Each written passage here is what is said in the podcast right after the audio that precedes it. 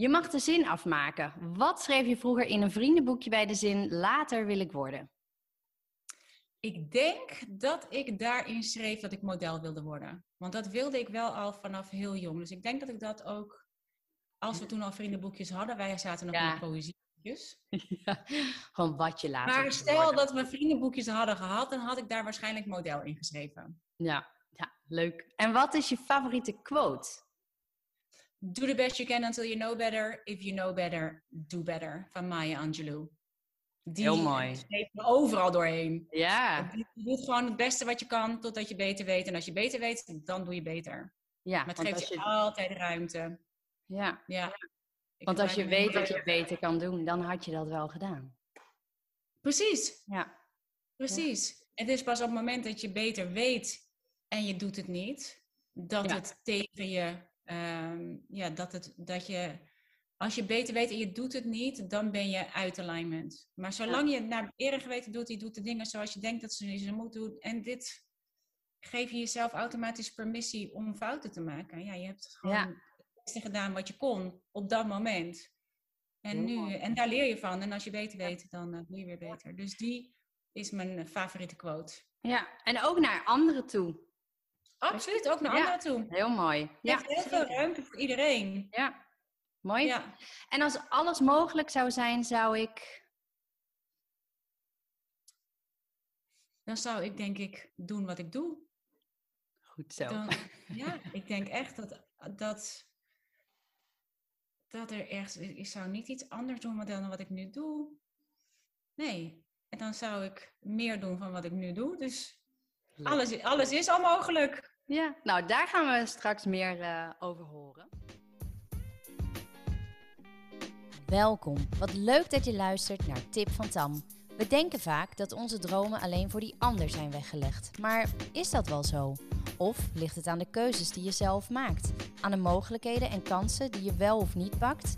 Heeft niet iedereen struggles? En heeft niet iedereen bepaalde angsten die ze moesten overwinnen?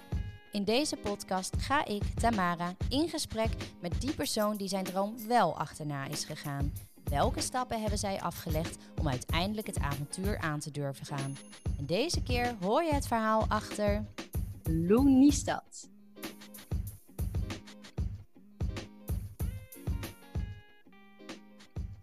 Deze vrouw, je zou bijna denken, wat doet ze niet? Een carrière als model, schrijfster van meerdere boeken, illustrator, heeft het 28-daags experiment Pockets Full of Joy gemaakt en is bezig met een nieuwe versie over vrijheid, staat voor de klas, is bezig met een onderwijssysteem. Wil je je verdiepen in human design? Ja, hij duurt heel lang, we zijn er nog niet kom je automatisch bij haar terecht.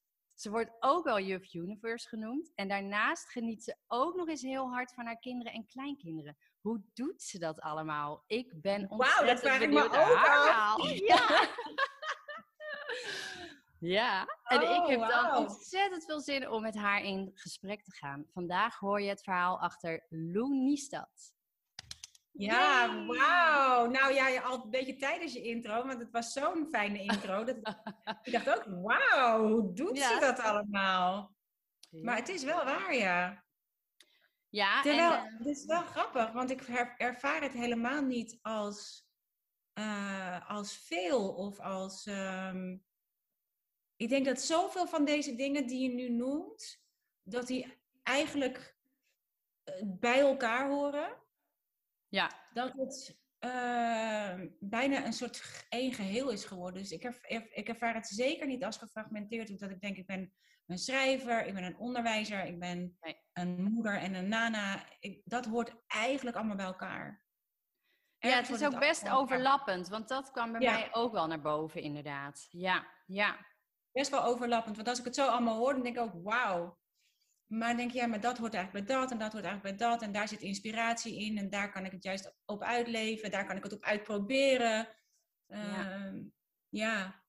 Maar Ja. mooi, dank je. Fijne intro. Graag gedaan. in mijn pocket. Ja. Ja, oh, nou ja, ik heb jou ehm, op het manifestatie-event mogen horen spreken.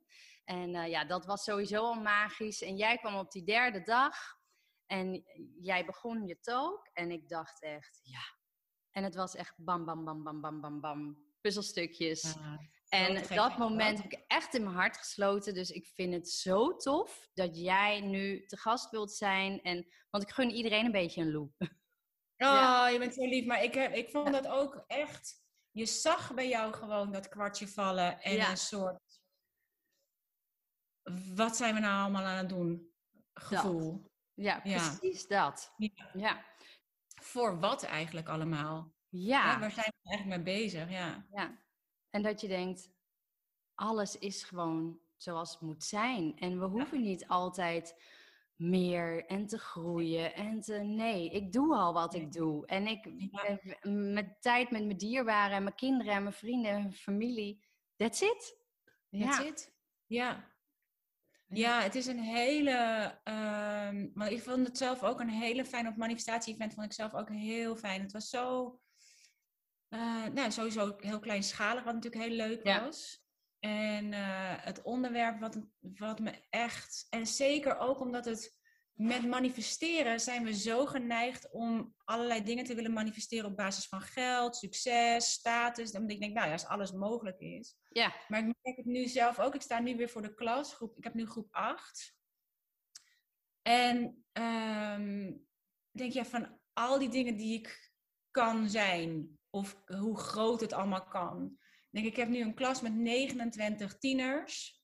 En ik zit helemaal in mijn element. En dan denk ik, hier kan ik letterlijk de impact zien. Ja. Hier kan ik, ja, ik kan ook naar 30 leerkrachten gaan en die hebben ook allemaal 30 kinderen. En dan is mijn impact groter, zou je denken. Maar het zelf doen met die kinderen, ze gewoon letterlijk zelf begeleiden in deze wereld en de dingen waar we voor komen te staan. En ze te helpen eh, hun eigen brein eh, begrijpen, ze die wetten te leren, zodat ze. Jongen, het is echt Ja. pure joy. En Ja. wij hadden natuurlijk op het manifestatie-event al over de coolness of the uncool. Mijn eerste pagina in Pockets vol met vrijheid. En dat is ook zo eentje waar ik me elke keer weer... Ik dacht, ja, het hoeft niet groter dan dit. Nee. Het mag allemaal op meso-niveau, denk ik. Ik heb mijn klas, ik heb het team. Ik ben inderdaad met een onderwijsprogramma bezig met Charlotte Labé. Dus daarin gaan we sowieso eh, breder dan dat. Ik heb mijn kinderen, mijn kleinkinderen, ik heb mijn relatie, ik heb de woonboot. Man, life is good. Ik kan lekker tekenen, schrijven. Ik ben met mijn klas aan het tekenen en aan het schrijven. Ik heb allerlei ideeën. Ik zit al met mijn uitgever. Zijn we aan het nadenken, wat kunnen we hiermee? Die kinderen, opeens Ja. heeft spelling en taal en al die dingen heeft betekenis. Want ja, als we gaan schrijven, ja, ho even. Ja. Als ik ga schrijven, ja, dan schrijf ik in eerste instantie ook gewoon schrijven om te schrijven. En dan kijk ik niet naar taalfouten, kijk ik niet naar stijl, kijk ik niet naar grammatica. Maar als ik ga redigeren, hmm, dan komt die pen. Want Ja. dan moet, ja, als dit een boek wordt voor anderen, dan moet het natuurlijk wel een beetje. En dan zitten er nog joekels van spelfouten in. Ja. En die laat ik ze ook zien. Dus, maar het ge- maakt er, ineens krijgt alles betekenis, ineens krijgt alles. ik denk ja, ik, ben, ik heb me ook vaak laten leiden door groter. Dat je, al zou het maar grotere impact zijn. Ja. Maar ik dacht, nu zag ik dus, waardoor ik heel lang ook weer uit het onderwijs ben geweest. Want ik dacht, ja, nee, we moeten inderdaad groter. We kunnen beter naar de pabo's gaan. We kunnen beter. Wat ook zo is, maar het letterlijk in de klas staan, met je voeten, in de aarde staan en het letterlijk met die kinderen doen, Ja. is goud gewoon. Ja. ja, ik heb ook is- jaren met kinderen gewerkt, dus ik weet dat pure. Ja. En als je daar van betekenis kan zijn, oh, dat geeft zo'n goed gevoel. Ja. Ja.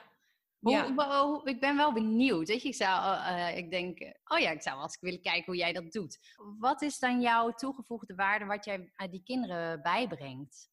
Nou, ik moet zeggen, het heeft wel ook absoluut te maken. Ik heb een onwijs leuke klas. Het is echt, het zijn, het, de kinderen zijn natuurlijk van oorsprong allemaal goed, maar ik had hiervoor een groep 7 en dat was, eh, dat voelde heel anders en dat had ik heel erg, dat, en daar was het wel echt heel goed om dat te ervaren, want daar v- eh, ervaarde ik zelf ook die tijdsdruk. Dat je dacht, ik moet continu spelling, taal, rekenen, begrijpen, lezen, chop, chop, chop, allemaal door, door, door. En en ik had daar minder het gevoel dat het mijn klas was. Want ik was daar, begon daar één dag in de week, toen werden het twee dagen. En het was in een klas die echt al een, een klas had, zeg maar. Dus ik had daar, Ja. voelde daar minder de vrijheid om dingen te doen. En nu ik over ben naar deze groep 8, is de, voel ik daar veel meer. Dus het gaat, het gaat allemaal al om het gevoel wat je zelf hebt. Ik ervaar hier veel meer vrijheid. Ja. Het is ook echt mijn groep. Hoewel ik hier, en ik heb een superleuke uh, duo die me alle ruimte geeft om dit soort dingen te doen. Uh, dus het is ook wel echt voor een groot gedeelte perceptie. En het, wat het heel goed was aan de, aan de start in groep 7, is dat ik dacht, en zeker met het programma wat we met Charlotte aan het doen zijn, met de Contentment Foundation en, uh, en Stichting uh, Brain Balance voor Iedereen, is het fout of staat bij je klassenmanagement. Wij kunnen van alles bedenken voor het onderwijs. Maar als je staat te overleven voor een groep, omdat je uh, om vooral moet opvoeden, of omdat je vooral, weet je, dat het vooral gaat om gedrag in de klas, ja. waar je programma alles voor heeft. Alleen als die aarde niet klaar is om te ontvangen, ja, dan kan je zaaien wat je wil, maar dan, dan gebeurt er niks. Nee. Dus dat was heel goed om te ervaren voor mezelf. En dan nu het verschil te ervaren als je zelf de, de inner job doet. Dat, dat, dat daar dus echt een andere dynamiek ontstaat. En dat is super, super cool om te ontdekken. En dit is een, een, een hele fijne, ik vind het een hele fijne klas. Ze staan open ervoor, ze vinden mij heel cool. Dus dat maakt verschil. Weet je, de, uh, er is een soort natuurlijke samenwerking heb ik met hen. En, en het gaat ook echt over, vertrouw je er zelf in dat ze het ook inderdaad gaan doen. Ja, ja. Ah, het is wel ook een mooie leeftijd daarvoor. Het is een mooie leeftijd ervoor. Maar het is ook, ja, ze gaan ook allemaal puberen. Ja. Dus het, uh, de een heeft daar meer moeite mee dan de ander. Maar ik gedij heel lekker in deze groep. Ik vind het echt, echt heel leuk. En ook om, om om ze al die levenslessen die we willen dat ze ook leren, om die mee te geven in de lessen die we toch moeten doen. Ja. Want ja, dat zijn allemaal belangrijke lessen. We zitten op de basisschool, we willen die basis ook echt hebben. Die wil je niet voor niks, hè? je hebt die basis ook echt nodig. Alleen je kan al die levenslessen en al die lessen over je brein. Weet je, vandaag hadden ze ook zo'n toets rekenen. Nou, die begin je gewoon met, want er zit al eentje, kijkt er al naar en zegt, oh, ik weet nu al, vraag kwijt, gaan we allemaal fout doen. allemaal over inhoud. Het is ook lastig. Dus dan kan je meteen daaraan koppelen. Zo naar Henry Ford, die zei: Of je denkt dat je het kunt, of dat je het niet kunt, je hebt gelijk. Wat denk je dat dat betekent? En dan ga je naar die negativity bias, dat we ons brein automatisch op zoek gaat naar wat we niet kunnen. Ja. En op het moment dat je zegt, ik kan het niet, dan sluit je al die deuren voor, ik kan het wel. En als je nog niet kan geloven, ik kan het wel, omdat je denkt, yeah right, ik heb die som altijd fout. Dus uh, de, ik kan het niet, ik kan wel affirmeren, ik kan het wel, ik kan het wel. Maar als dan die innerlijke stem komt met, ahaha, hoe dan? maar op het moment dat je zegt, je kunt het tussen zetten, ik kan het nog niet. Als je echt denkt, ik kan het niet, dan is het, ik kan het nog niet. Dus één klein woordje wat al veel meer ruimte geeft naar de toekomst. Dus je denkt, oké, er is dus een mogelijkheid dat ik het kan. Ja. Je kan hem even overslaan en denken, oké, ik kom er straks wel op. Dan gaat je brein ondertussen op zoek naar het antwoord. Je hebt al die kennis, al die dingen, je hebt zoveel geleerd, je hebt al zoveel kennis in dat hoofd zitten, maar op het moment dat je denkt, ik kan het niet, dan kan je daar gewoon letterlijk niet bij komen. Het zit er wel, alleen je hebt een deur dicht gedaan. Dus ik kan, ik kan zeggen, ik kan het nog niet. Als je echt denkt, ver voor mijn bedshow om te denken, ik kan het wel. Uh, je gaat focussen op welke sommen je wel kan. Daar ga je mee beginnen. Je gaat denk ik kom er straks wel op. Ik kom er straks wel op. Ik kom er straks wel op. En dan gaat je brein letterlijk op zoek. Voordat je gaat beginnen. En dan laat je eens even eerst ademhalen. Eerst even zitten op die stoel. Eerst eventjes ontspannen. Nou go. En het zegt niks. Het resultaat zegt niks over jou als persoon. Het zegt alleen maar over welke kennis beheers je al volledig. Welke kennis hebben we nog werk te doen. En dat geeft ons inzicht in wat kunnen we jou bieden, zodat je dat, die inhouden wel snapt. Wat kan ik nog meer bedenken, zodat jij het snapt? Want uiteindelijk kunnen we dit allemaal begrijpen, alleen misschien niet allemaal op dezelfde manier. Dus als de manier die je tot nu toe aangeboden hebt gekregen nog niet leidt tot resultaten op de toets, dan is het aan ons om te denken: oké, wat kan ik nou eens bedenken Waardoor ik denk, oeh, als ik het nou eens op die manier doe, misschien kunnen we dan, snappen we dan wel hoe we inhoud moeten berekenen als die vormen allemaal heel gek zijn. Ja. Dus, nou, en dan ben je gewoon nog steeds aan het rekenen. Ja. Cool hoor. Ja, dit is ook wel echt een beetje hoe ik het met mijn dochter af en toe wel eens uh, probeer in ieder geval. Ja. ja. Bij de zwem, zwemles bijvoorbeeld. Ze heeft nu A, B en C al een tijdje. Maar ik weet wel dat ik ze... En zei ja, ik kan het niet. Zei denk gewoon dat je het kan. En, op een gegeven moment kwam ze het zwembad uit zei, maar het lukte. Weet je? Dus Die, uh, ja. die is daar wel in gaan geloven, meer. Uiteindelijk, en ik, zeg, ik leer ze ook altijd, ik zeg oké, maar stel dat je jezelf afvraagt, maar wat als ik het wel weet? Wat als ik het wel weet? Wat als ik het antwoord wel wist? Omdat je brein letterlijk voor je op zoek gaat. Je onderbewustzijn, dat wil niet anders dan jou, uh, helpen. jou helpen. Ja. Wat als ik het wel wist? Ja. Als ik het wel wist, dan zou ik gewoon nu mijn pen pakken en het pak en het maken. Ja. Wat weet ik wel? Ja. Wat weet ik wel? Wat weet ik wel hiervan? Wat snap ik wel hiervan? Ja. Ah, dit gaan ze altijd onthouden. Dat is echt mooi. Oh, schat, het is zo cool. En we begonnen meteen de eerste les toen ik met hem was. Want ik, ik werd geïntroduceerd door mijn duo toen ik even bij ze ging kijken. En zij vroeg aan mij van wat doe je als je niet voor de klas staat? Dus ik zei ik ben schrijver. Nou, dat vonden ze natuurlijk allemaal heel interessant. En um, ik zei nou ik zal volgende keer wel eventjes mijn boeken meenemen. Als, ik, als we naar de klas komen, dan, als, ik, als ik in de klas kom, zal ik even mijn boeken meenemen. Dus ik had mijn boeken meegenomen.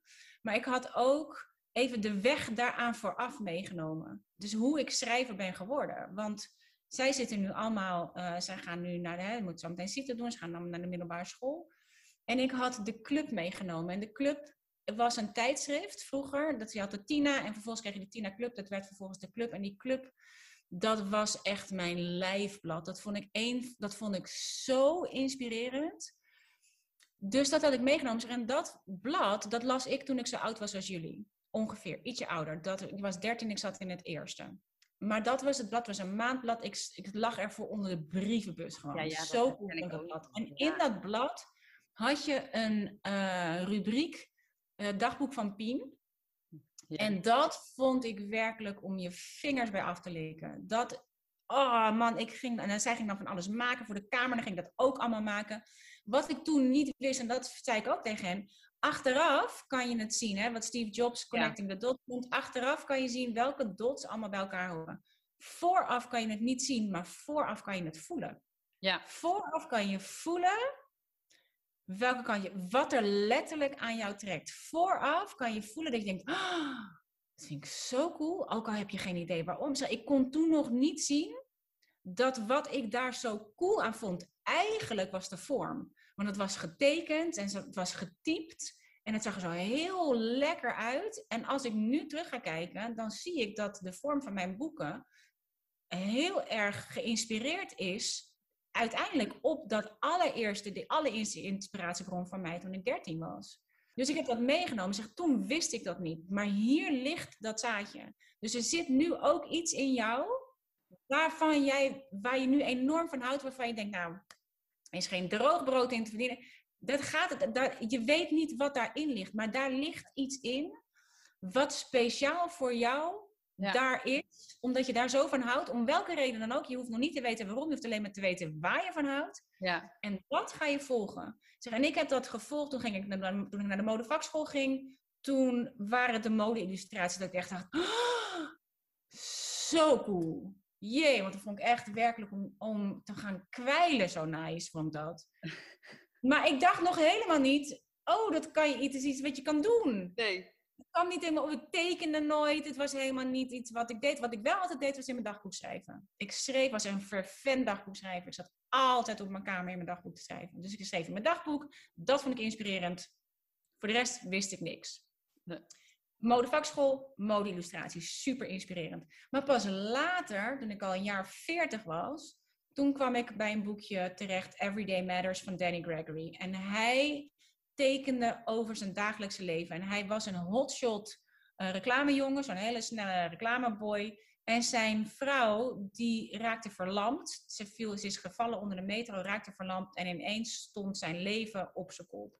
Ja. En hij ging om zichzelf een beetje uh, niet helemaal gek te worden, is hij zijn dagelijkse leven gaan tekenen. Gewoon de dagelijkse dingen thuis. En ik dacht weer, oh, dit vind ik zo cool. Gewoon, hij kon eigenlijk helemaal niet echt heel goed tekenen, maar ik vond het zo inspirerend. En gewoon dagelijkse dingen die je allemaal, weet je, want je denkt, ja, wat moet ik tekenen? Het ligt gewoon voor je neus. Super inspirerend. Ik dacht nog steeds niet dat kan ik ook. Pas toen hij een boek schreef, uh, The Creative License, waarin hij tekent en schrijft over hoe je het zelf kan doen, toen pas viel bij mij het kwartje dat ik dacht, ah. oh, het is iets wat je kan doen. Het bizar, tot die tijd heb ik, is het gewoon niet in me opgekomen. Ik dacht alleen maar dat is voor anderen. Dat, ik, ik dacht niet eens, dat kan ik niet. Het, het, het, was, het kwam gewoon niet in me op om het uit te proberen. Ik was al altijd alles aan het uitscheuren en dan was ik aan het opplakken. Ik maakte allemaal plakboeken en dingen. Maar dit inspireerde me zo. Dus ik had het even meegenomen in dat stuk van de club tot aan mijn eigen boeken. Want toen ben ik gaan tekenen over mijn eigen dagelijks leven met mijn kinderen. En dat is even, en omdat ik model ben geweest, uh, was ik weer gelinkt aan alle mensen die uh, nog inmiddels op uh, hoge posities bij de bladen zaten. Die deden een interview over ex-modellen met een nieuwe passie, of ik daaraan mee wilde doen. En dat interview heeft geleid tot een uitgever. En dat heeft geleid tot mijn boeken. Ja. Ik wist niet van tevoren dat ik schrijver was. Ik wist niet dat ik illustrator was. Ik wist alleen maar dat dat me enorm inspireerde. Ja. Dus, wij gaan ook, en dus ik vind het heel leuk. Dus, en ik had al mijn journals meegenomen, ik had mijn gezinsdagboeken meegenomen. Dus ik had een hele tafel gemaakt met mijn boeken, mijn journals. En ik ging met hen, en we zijn we begonnen meteen met een journal maken. Gewoon een, een langwerpig papier opgevouwen tot een harmonica boekje. En dan zijn we begonnen, we gaan gewoon tekenen en schrijven over wat, waar we van houden. En waarvan, al die dingen waarvan denk je, ja, maar dat is een hobby. Of daar is, want dat krijg je al meteen. Van, ja, dat doe ik wel als hobby. Want we moeten nu kan ik geen geld mee worden. Zeg maar, je bent al iemand. Je hoeft niet iets te worden als je laat gaan, want je bent al iemand. Dus we zijn gaan tekenen en schrijven. En het was echt vanaf dat moment, waar, waar, het was gewoon een soort van liefde op het eerste gezicht met die klas. En ook wat die kinderen, er was één meisje die ook zei, uh, want de hele klas hing nog met, vol met uh, slingers en ballonnen van de juf die weg zou gaan of die wegging, die ik vervang. Ja. En um, dus een aantal had ook die slingers en ballonnen getekend die in de klas hangen. En de meisje ook van, ik vond eigenlijk, was eigenlijk een beetje, uh, ik vond het eigenlijk heel jammer dat ik een nieuwe juf kreeg. En, uh, en, maar daarna zei ze, maar ik heb nu, ik was er een beetje zenuwachtig voor, maar ik heb nu al zoveel geleerd. En toen, waren we, dan had ik ze nog maar een half uur gesproken. Zeg, ik hoef niet perfect te zijn. alles wat ik kan is goed genoeg ik hoef niet uh, alles heel goed te doen. En vervolgens had een heel mooi verhaal van waar ik eigenlijk van hou. Is als ik buiten loop en ik hoor die vogels zingen. Als oh. ik, en ik dacht echt, wauw, dat vond ik echt zo tof. Ja. Zeg, dat dat niet gewoon genoeg is. Nou, ik ben dan helemaal, halleluja. Ja. Jij snapt. Dat het allemaal niet meer... En nu zei ook uh, uh, een jongen, oh, ik vind het zo lekker. Want ik heb nu allemaal van die waterstiftjes voor ze gekocht, zodat we niet bakjes met water hoeven te halen.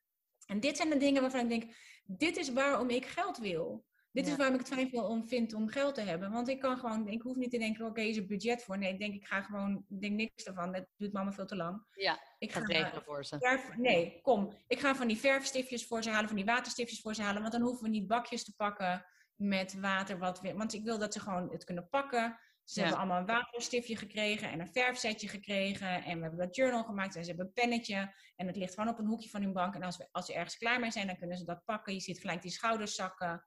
Ja. In ontspanning. En want we denken dat we nu niet aan het werk zijn. We denken dat we nu maar een beetje frivol zitten te tekenen. Maar voor je, en we doen het wel in stilte. Zo de afspraak is, als we tekenen, dan zijn we stil. Omdat je wil horen wat je denkt. En je bent wel vaker stil. Je zit natuurlijk vaak in stilte een som uit te rekenen of na te denken over hoe je een woord schrijft. Of... Maar in stilte tekenen, dan hoef je niet na te denken. Dan kan dat stemmetje erdoor, wat, wat zo fluistert over al die dingen die je eigenlijk wil weten. Dus we tekenen in stilte. Dus we denken dat we nu niks aan het doen zijn, niks aan het leren zijn. Maar je bent letterlijk je hoofd aan het leegmaken, zodat als wij zo meteen doorgaan naar taal, ja. dat je ruimte hebt gecreëerd daarvoor.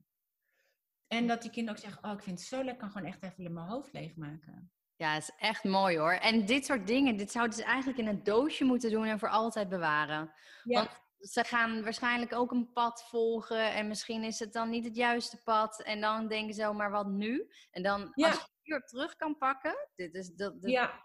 Dit is, dit is Ja, en wat ik ook heel cool vond, ik had mijn gezinsdagboeken meegenomen. En daar schreef ik vroeger ook met de kinderen, lag bij ons altijd op de keukentafel. En er stonden pennen bij en, en eh, tekenspullen bij. En kinderen, mijn kinderen schreven erin, maar ook de vriendjes van kinderen schreven erin. Maar er waren ook gewoon heen en weer briefjes van, ik ben even boodschappen doen, ik ben er... Zo Oh, wil ja, jij even de uitruimen, weet je, gewoon alle, alle, alle heen en weertjes.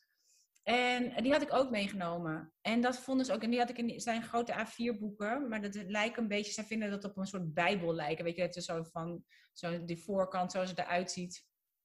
En eh, toen zei iemand. En daar stond wat ik heel leuk vond. Ik was, had er zelf ook al heel lang niet in gekeken. Was een pagina in. En dan had ik op de rechterpagina geschreven. Die pagina, linkerpagina, leeg, leek. Leek, leeg. Maar de rechterpagina stond, daar staat een geheime boodschap. En dan hadden we vroeger van die pennetjes. En met zo'n UV-lichtje kon je dan je kon schrijven en dan met UV-lichtje lezen. Maar wij konden natuurlijk niet lezen wat er stond. We waren heel nieuwsgierig. Dus wij proberen of we dat konden zien met de flashlight van de telefoon. Nee, kon niet. En toen zei ik, oh, ik heb een, ik heb een, eh, een eh, blacklight lampje Oh, ja, aan ja, mijn ja. Oh, Daarmee konden we dat, die geheime boodschap lezen. Dat was echt zo tof.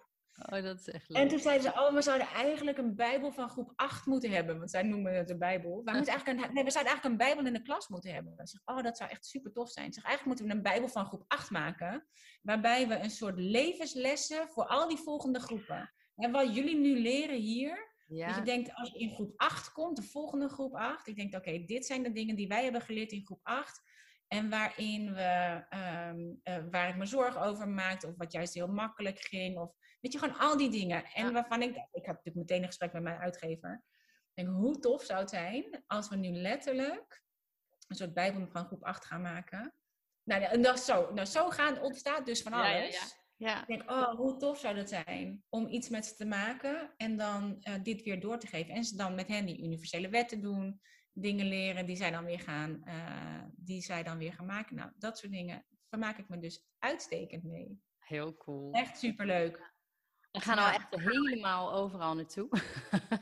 Waar, Overal eh, heen. ja, we gaan overal. heen. Waar, eh, hoe is die route bij jou gegaan? Want je bent natuurlijk ook je bent begonnen als model. Ja, En ik hoe lang heb je als model. En eh, toen ik 25 was, toen raakte ik zwanger van mijn oudste dochter Kees. En ehm, die niet in de planning zat. Ik was net, ik stond met één been in het vliegtuig. Ik had een reisje naar Arizona en dan zou ik daarna een paar maanden naar New York gaan. En toen bleek ik zwanger te zijn van haar. Toen dacht ik, oh, oké. eh, hoe ver ben ik? Weet je, dat soort dingen. Maar we Ja. waren al heel snel dat we dachten, nou, we gaan dit gewoon doen. Dus toen ik zwanger was van Kees en Keesje er was, toen, nou echt letterlijk, toen zij het levenslicht zag, zag ik ook het licht. Want al eigenlijk, eigenlijk al tijdens, tijdens mijn zwangerschap, ik vond het zo cool. Ik was echt, dat hele navelstaren was ineens over, wat natuurlijk toch wel een beetje is in die modellenwereld. Ja. Ehm, terwijl ik heb, echt een, het is, ik heb echt een hele fijne modellentijd ook gehad. Hè? Dus het is helemaal niet het, het, dat, dat modellenwereld op zichzelf geen fijne wereld is. Maar ik, en ik heb geweldige reizen gemaakt. Ik heb in alle steden kunnen wonen. Kinderen nu in mijn klas, die kunnen gewoon niet geloven dat ik in New York heb gewoond. In Parijs en in Londen en in Tokio. Ze hadden nu allemaal landen waar ze mee bezig waren. Oh, daar ben ik geweest, daar heb ik gewoond, daar ben ik geweest. Wat? En, ehm, dus ik heb daar een super fijne tijd gehad. Maar ik vond het moeder zijn werkelijk fenomenaal. En ik weet dat heel veel mensen dit niet hebben. Dus dit vind ik altijd een beetje... eh, dat is niet voor iedereen zo. Nee. Niet iedereen ervaart dat zo. Maar voor mij was het echt... Nou, ik dacht echt, nu weet ik waarom ik hier ben.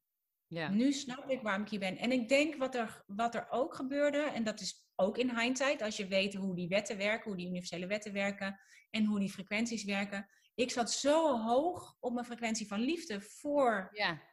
kind. Nou, Ja. daar trok ik van alles mee aan, waarvan ik helemaal niet eens wist hoe die hele wet van aantrekking werkte. Maar omdat die frequentie zo hoog was, Ja. kreeg ik het ene na het ander opkwam op mijn pad. En ik heb, dacht al heel snel, oké, kom maar door met nummer twee. Als we nu toch in die kinderen zitten, dan ga ik gewoon helemaal vol voor die kinderen. Dus toen kwam al heel snel Shim. Eh, en toen, eh, maar onze relatie die was daardoor wat, wel wat onder druk komen te staan, zal ik maar zeggen. Want ik was helemaal, ik vond die kinderen helemaal fantastisch. Maar dat, wij kwamen uit een heel jetset leven. En ik wilde gewoon lekker met die kinderen, een beetje aanklooien, vingerverven, naar het strand, naar het bos. Ik wilde helemaal niet meer uit en al die dingen. Helemaal geen zin meer in. Nee. Dus we waren, laten we zeggen, een beetje uit elkaar gegroeid. Maar toen kwam heel onverwacht nog nummer drie dat heeft onze relatie niet overleefd. Maar ik dacht, ja, kom maar, ik, ik ben hiervoor gemaakt. Dus toen wilde ik heel graag um, zoveel mogelijk tijd met de kinderen. Ik werkte nog steeds als model. Ik kon relatief makkelijk mijn geld verdienen. Ja, maar dat onregelmatig dan. Dus dat... Onregelmatig. En hij kwam gewoon nog steeds voor de kinderen zorgen. Als ik de deur moest, dan zorgde hij nog steeds voor de kinderen.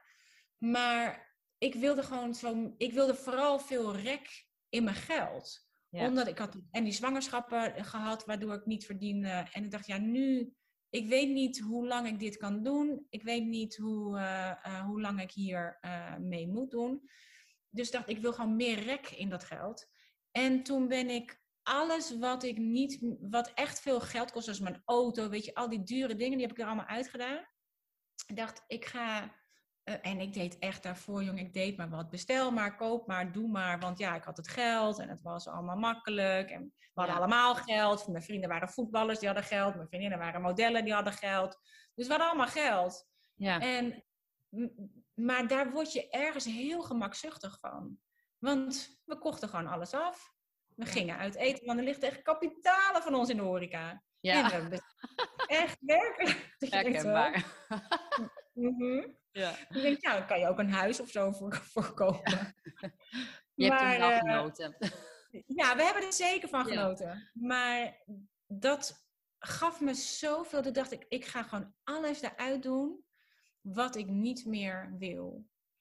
Of wat mijn geld... Wat, wat niet nodig is. Geld, dat ik dacht, wat eigenlijk niet nodig is. Ja.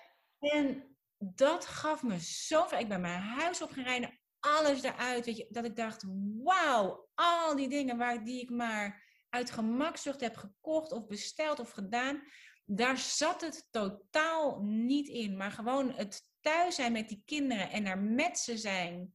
En daar, en met al die meuk en al die ruis eraf. Ja. Dat, echt, ik had echt een aha-erlevenis gewoon. Ik dacht, wauw, ik was gewoon helemaal op het verkeerde spoor. Dit vind ik, en daar, daar kwam mijn creativiteit weer uit. En dacht, ja, ik kan het wel zelf maken. Ja. De rust van niet continu maar dingen moeten hebben of dingen moeten najagen of, of groter en meer en al die dingen waar we het op, de, op het manifestatie-event ook over hadden. En ehm, toen dacht ik, ja, alles wat ik na dat modellenwerk ga doen, dat, dat moet ik wellicht fulltime gaan doen om mijn toko te draaien. Toen dacht ik, ik, omdat ik dat opvoeden zo leuk vond, dacht ik, ik ga in het onderwijs. Want dan heb ik dus in ieder geval dezelfde vakanties als de kinderen. Ja. Dan heb ik hè, de, de, dezelfde, uh, als ik ga lesgeven op de school voor mijn kinderen. En mijn kinderen waren toen allemaal nog onder de vier. Mm Dus die, uh, toen ben ik de Pabo gaan doen. En ik, ook dat vond ik werkelijk fantastisch. Ik vond dat onderwijs, jongen. Ik kon zo mijn, mijn, mijn creativiteit kwijt. En ik snapte dit helemaal. Terwijl ik vroeger altijd dacht dat ik een soort van dom was. Ik was maar een MAVO-meisje. En hier, jongen, kwam ik cum laude vanaf. Want ik was een soort van on fire gewoon. Ja, echt. Ik snapte dit.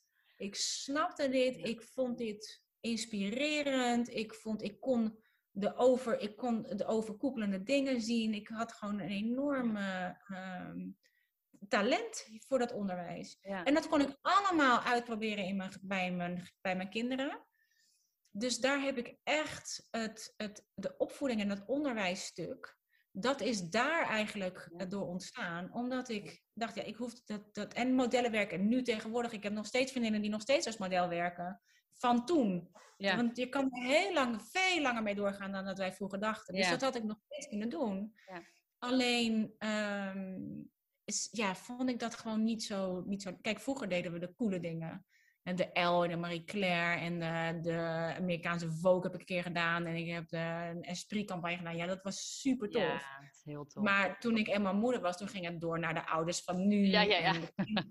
Ook leuk.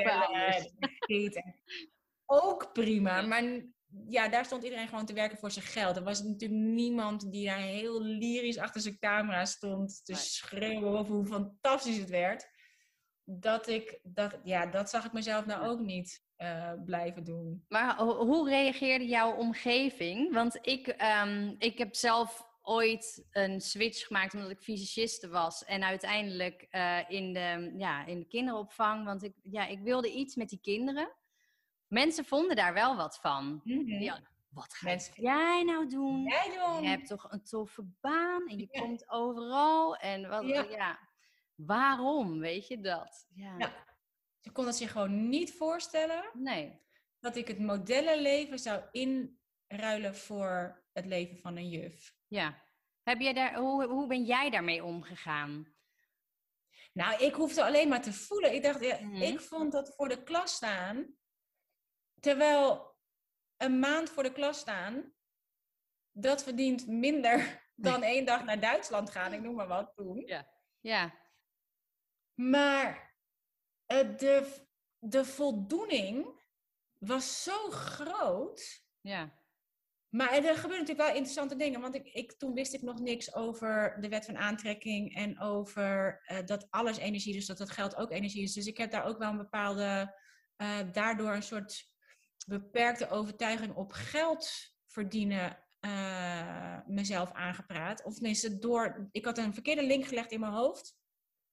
Door te denken, al het onderwijs is betaald slecht. Dat, is natuurlijk, hè, dat, dat weten we allemaal. Mm-hmm. Maar um, omdat de voldoening zo groot was, had ik ook ergens een link gelegd. Dat ik dacht, oké, okay, uh, iets wat veel voldoening geeft, betaalt slecht. Iets wat, waar je heel makkelijk je geld mee verdient, uh, maar minder voldoening geeft, is uh, dus ofwel veel geld met oppervlakkig werken, ja. ofwel weinig geld met meer diepgang. Dus dat was heel interessant. Nu zou, en ik, toen ik stopte met dat werken, dacht ik: oké, maar ik heb gewoon meer, liever meer tijd dan geld. Ja. Nu zou ik zeggen: ik heb, meer, ik heb liever tijd en geld. Ja. Dus hè, dat zijn dingen die ja. ik zag het vorige keer ook. Zag ik, toen was ik even naar zo'n expositie van um, uh, al die uh, graffiti artists. En er stond heel groot: make art, not money. Toen dacht ik, ja, dit is hoe we heel automatisch beperkte overtuiging over geld binnenkrijgen. Dat zou echt moeten zijn make art ja. and money. Ja. ja. Ja, dat is En dat geldt, hetzelfde geldt voor het onderwijs. Ja. En, als, en alles is energie. Dus je kan, je, je kun je letterlijk meer geld verdienen in het onderwijs, gewoon puur op voor de klas staan en het werk wat je doet. Nou, dan kan je tot in de hoogste schaal komen en dan houdt het op. Op een gegeven ja. moment kun je niet meer verdienen dan dat. Maar jij kan met het talent wat je hebt, andere dingen creëren, andere dingen maken. Je weet niet waar het voor is. Maar voor mij was het de, de voldoening van het voor die klas staan.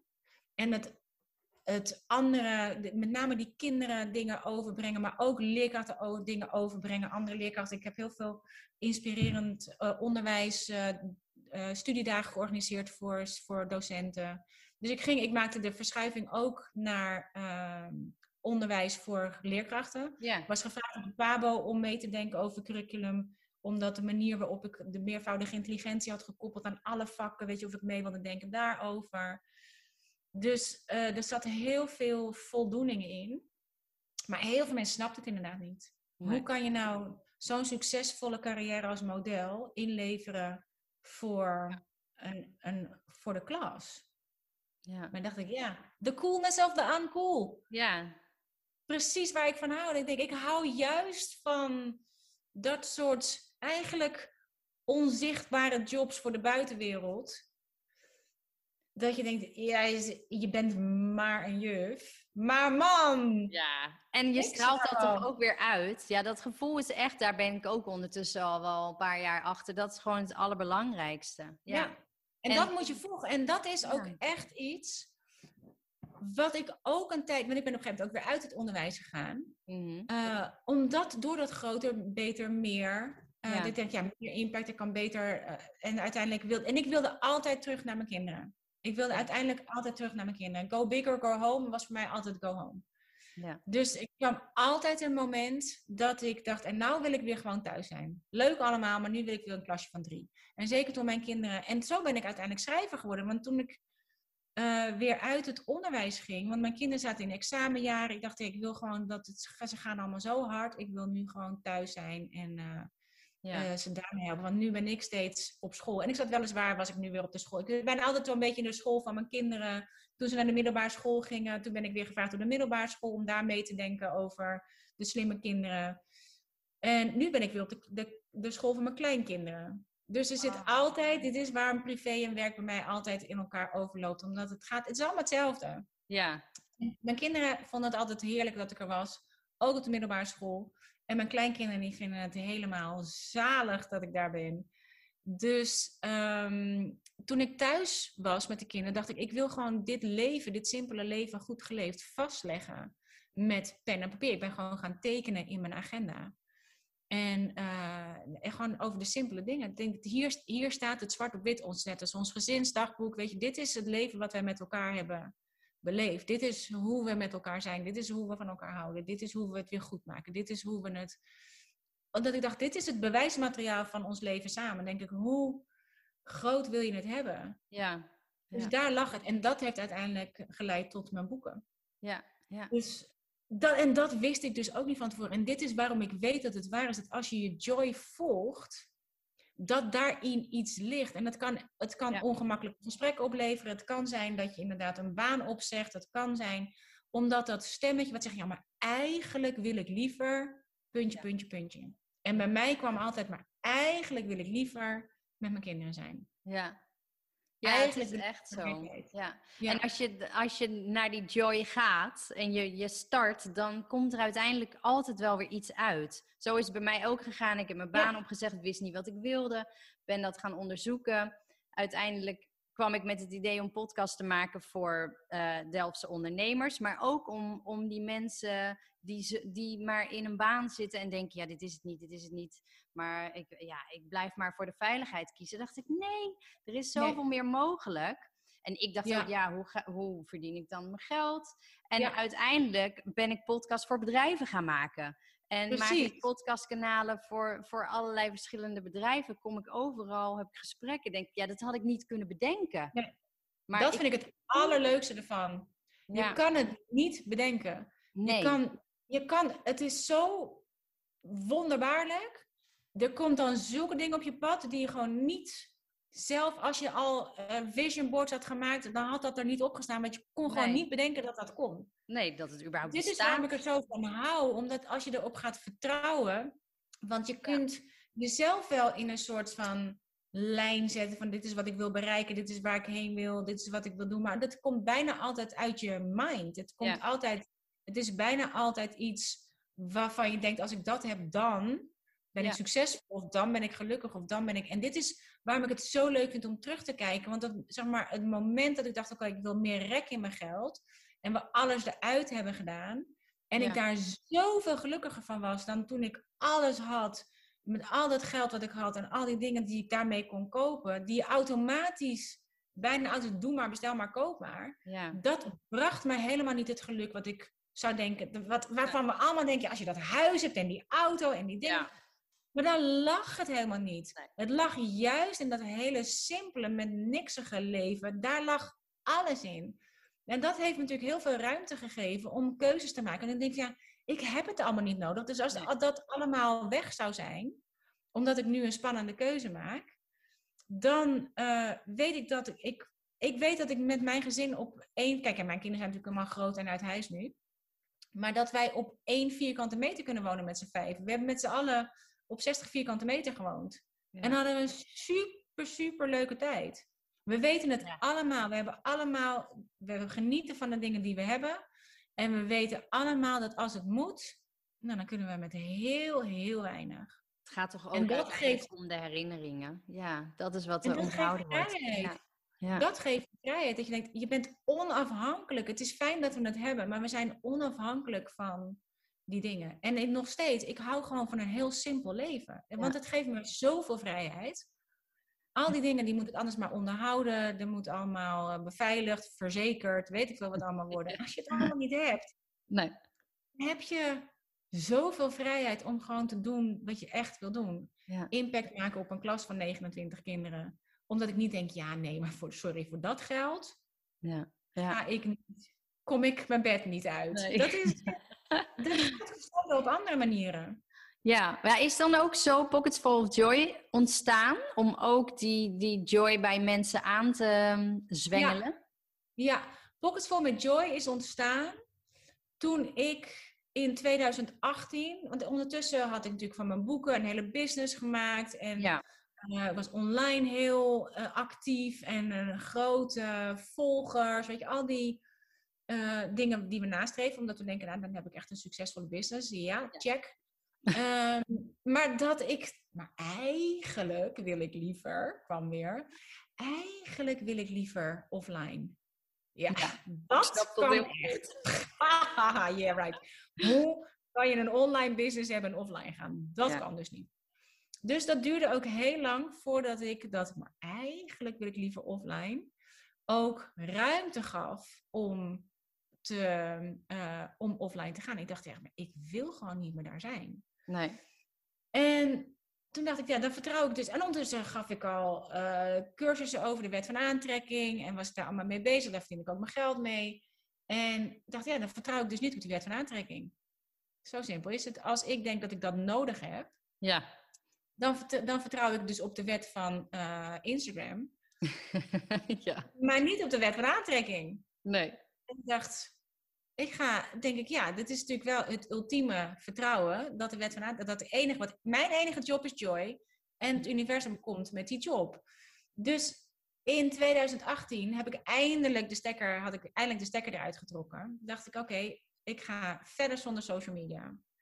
En vervolgens, waarvan ik dacht, nou nu word ik onzichtbaarder dan ooit kreeg ik de ene na de andere uitnodiging voor podcasts, interviews, ehm, de bladen. Iedereen wilde weten hoe het was om offline te zijn. En ik dacht, dat is toch ook te bizar voor woorden. Je denkt, ik kan hier echt niet weg, want... Ja. Dus ineens, in plaats van onzichtbaarder, werd ik nog veel zichtbaarder. En ik, maar ik werd vooral veel voelbaarder, want de, het gevoel van vrijheid was enorm. Mijn gevoel van joy was enorm. Wet van aantrekking, die werkt op je frequentie. Ja. Dus terwijl ik zo helemaal lekker in die vrijheid en in die joy lag te baden, ja, kwam, kreeg ik van alles gewoon naar me toe getrokken, wat ik niet eens had besteld. Nee. Dus ik, had, ik was zo gelukkig dat ik er vanaf was, dat ik dacht, op een gegeven moment dacht ik, ik wil die business ook niet meer. Dacht ik, nou, dat kan echt niet. Hoe? Kijk, stoppen met social media is één ding. Dan weet ik niet precies wat ik aan inkomsten misloop. Nee. Dat kan ik vast ergens trekken, maar ik, dat wist ik niet. Nee. Maar stoppen met mijn business. Ik had een membership model. Wist ik precies wat ik niet binnen zou krijgen. Ja. Maar eigenlijk wil ik liever ook die business niet. Want ik vond het membership model, het is een tested and proven en je kan er veel geld mee verdienen. En het is een, uh, een en je weet in ieder geval dat er maandelijks geld binnenkomt. Ja. Maar ik wilde het niet meer. Omdat ik dacht, ja, ik weet ook wat ik moet elke keer weer met nieuwe content. En uh, ik wilde dat niet meer. Ik dacht, oké, okay, uh, eh, dit wordt wel de ultieme test van inderdaad die wet van aantrekking voor je laten werken. Ik dacht, nou, ik ga dit proberen. Dus ik met mijn team besproken, zei ja, ik wil eigenlijk gewoon stoppen ermee. Je bent gek, zeiden ze. Nee, mijn team is oh, top. Okay. Mijn team is top. Die weten precies. Uh, die zei, oké, dan gaan we kijken hoe we het af kunnen bouwen, hoe we het kunnen, uh, hoe we het om kunnen zetten, hoe we het kunnen. Weet je, gaat ook niet meteen, uh, meteen de stekker eruit trekken. Mensen hebben zich natuurlijk aangemeld en hoe kunnen we ze ervoor zorgen dat ze uh, dat, we kunnen we een, misschien een, een, een, programma maken zodat ze alle content in één keer kunnen afkopen als ze dat zouden willen. Ja. En tot die tijd kun je in het, in het programma. Dus je kan niet meteen overnight dat doen, maar in, toen nee. was op. Uh, uiteindelijk kon ik op uh, eind augustus. Kon, hè, ik was in april gestopt met social media. Vervolgens ehm, wilde ik mijn business eruit. En uiteindelijk was ik op 1 september had ik en geen social media meer en mijn, mijn business niet meer. En toen trok ik mijn pen. En dat is mijn manier om connectie te maken met dat kwantumveld, met het universum. En de enige vraag die ik stelde was: wat is de volgende stap? En ik dacht, nu heb ik de stekker uit mijn social media getrokken, de stekker uit mijn business getrokken. Nou wat? Ja. Ik dacht, oké, ik volg die stap, ik volg die intuïtie, ik volg die, eh, ik volg die joy en die vrijheid. Ehm, nou wat? En ik krijg gewoon letterlijk met mijn pen op papier, haal alles van je website, pak je camper, rij naar Parijs, ga het schrijversleven leven. Ik wilde gewoon weer schrijven. Ja, In plaats van entrepreneur zijn. Ga het schrijversleven leven, ga die wet van aantrekking leven voordat je hem gaat doorgeven. Het enige wat nu telt is je goed voelen. ja. En ik dacht echt, wauw. En nu dan kan ik nog denken, hoe kan het in hemelsnaam zo op de pagina verschijnen? Maar dat is de magic, dat is echt de magie van je pen. Ja. Dat ja. je- omdat je echt in dat onderbewustzijn dipt. En je dat dus, dat verlangen komt omhoog en je kan het er zo uithalen. Ja. Dus toen ben ik, toen, en ik voelde letterlijk dat verlangen. En ik dacht, oh, dat wil ik. Ja, ik En ik hoef jou niet op te het- vragen wat de doorslag geeft, want dat is gewoon continu je gevoel. Normaal vraag ik wel eens, ja, waar lig je dan wakker gevoel. van? En, maar ja. ja. Nou, en je ligt daar best wel even wakker van, omdat Ja. je keuzes maakt die, ehm, die leiden tot het opzeggen, in dit geval opzeggen van dingen, het stekkers trekken uit je inkomstenstromen. Weet je, dat soort dingen zijn natuurlijk toch, blijven toch wel spannend. ja. En, eh, maar ik kon zo goed dat verlangen voelen, dat ik dacht, "Ah, dat wil ik. Dat, je, dat ik dacht, oké, ik ga eerst eens even kijken, is er, een camp, is er een camping in Parijs? Die, jazeker, aan de Seine. En eh, toen dacht ik, oeh, dat wil ik. En Pascal die zat naast me ook te journalen, mijn man. Ik zei, oh, zeg, ik krijg een heel interessant antwoord van mijn pen. Wat zou je ervan vinden als ik ehm, naar Parijs ga om eens even een paar dagen de Hemingway te doen? Gewoon even zitten, schrijven in cafés, tekenen in cafés. Hij zei, nou, zou ik doen. Dus ik ben inderdaad naar Parijs gereden. Ben daar lekker gaan tekenen, schrijven in cafés. En ik was echt stikgelukkig. Ik hoefde het met niemand te delen. Ik hoefde er geen foto's van te maken. Ik Nee. hoefde het niet te posten. Ik hoefde er niks mee te doen, behalve er stikgelukkig mee te zitten zijn. En te denken, wauw, hoeveel heb ik nodig? Als dit mijn gevoel van rijkdom is, wat ben ik dan überhaupt aan het nastreven? Ja, ja. Als dit is wat. En ik ga altijd eerst naar het huis van mijn vader. Mijn vader is op zijn zeventiende naar Parijs gelift. Om daar een jaar als straattekenaar te leven. En ik ga altijd eerst naar zijn zolderkamer tegenover de Notre Dame. Altijd even een saluut brengen aan mijn vader. Omdat hij dat op zijn zeventiende heeft gedaan. En ik dacht, ik wil ook. Ik zou ook willen dat mijn kinderen. Stoere keuzes die ik maak Ja. meenemen in hun leven. Dat ze denken, mama is ook gewoon naar Parijs gereden, is ook gewoon daar gaan tekenen en schrijven. Heeft ook Ja. een booming business achter zich gelaten. Ik kan gewoon kiezen voor wat ik echt wil. Ja, En ehm, ik dacht, ik moet echt mijn, mijn idee over succes eh, aan, aanpassen. Ik denk, als dit voor mij als rijkdom voelt, dan heb ik een verkeerd idee over wat succesvol is. En toen, eigenlijk om nu antwoord te geven op je vraag, toen dacht ik, ik geef mezelf een jaar. Ik ga een experiment doen van een jaar, wat er gebeurt met mezelf, met mijn gezin, met mijn business. Als ik echt mezelf één jaar de tijd geef om helemaal niks te hoeven doen, behalve die joy en die vrijheid te volgen. Wat er dan gebeurt. En dat was zo'n magisch jaar, ja, dat daar is Pockets for My Joy uitgekomen. Omdat ik dacht, ik had er daarvoor zoveel over gelezen. Ik had er zoveel over geleerd. Ik had zoveel workshops gedaan en trainingen gevolgd. En allemaal op conceptueel gebied begrepen. Ik snapte de wet van aantrekking en al die Ja. universele wetten met mijn hoofd. Ja, Maar het is iets wat je moet leven, want het is iets wat je moet voelen. ja. Dus ik dacht, ik ga dat jaar lang geen enkel boek meer kopen, geen enkele cursus meer doen. Ik ga het alleen maar toepassen. Ja. Alles wat ik heb geleerd toepassen. En dat was werkelijk fenomenaal. Ja, dat de meest bizarre tijd gekost, even, om, om jezelf dat ook echt toe te staan en Ja. toe te laten. En dat is ook, Ja. ook lastig. En dan, kan je, dan is het net of je wind onder je vleugels krijgt. Want op een gegeven moment pakt letterlijk die frequentie, jouw frequentie van die joy, jouw frequentie van die vrijheid, die haakt letterlijk in Ja. op, de, op dat unified field, op dat quantum veld. Dat is let, het zijn letterlijk frequenties. Dus Ja. je haakt letterlijk in op de frequentie. En alles wat op die frequentie ligt, is allemaal joy. Ja, Is allemaal vrijheid. ja, Dus je krijgt steeds meer dingen die jou ook joy geven. En dit is waar die magie gebeurt. Want daar liggen dus die, al die toevalligheden, al die AH's, de ingevingen, de toevallige ontmoetingen met mensen die je net nodig hebt voor de volgende stap. Ja. Eh, het geld wat je terugkrijgt van de belasting, een aanvraag die je krijgt voor iets anders. Het ligt allemaal op die frequentie. Ja, je, je kan de hele dag met je mond vol open lopen van verbazing. En je denkt, hè? Hoe dan? Ja, is echt zo. Hoe is dit mogelijk? Ja, en nu dat ik met jou zit al eigenlijk, denk ik, ja, ik, ik zag dat manifestatie-event voorbij komen. En ik, dacht, ik zei tegen mijn vriend, zat naast me op de bank, ik, zei, ik heb het gevoel dat ik daar naartoe moet. Ja. Gewoon dat, alleen dat. Hij zei, nou, jij hebt met jezelf afgesproken dat overal waar je dat gevoel van voelt, dat heb ik met mezelf afgesproken. Precies. Ja. Ja, en, en, maar niet met een bepaalde reden of een doel. Of ik wilde gewoon even alleen zijn. En ik voelde gewoon, nou, daar moet ik heen. Nou, en, en nu zit ik hier met jou. Terwijl ik, en, ik dacht, ja. ja. ga ik jou dan vragen, wie ben ik nou? Weet je, met mijn paar honderd ja. En uh, denk ik, nee. Ik nee. Dat. Als jij nee zegt, prima. Maar dan heb ik het gedaan. En ik zou het ook snappen als het niet zo is. Weet je wel? Dat, ja. Maar dat is precies hetzelfde als uh, Kijk, want het gaat helemaal niet om de foto. Al luistert helemaal niemand naar dit gesprek. Nee. Ja, ik vind het leuk. Ik geniet ervan. Ik ook. nou, het zou wel leuk zijn als ik... Dat heb ik dan wel. Ik wil gewoon wel mensen inspireren van...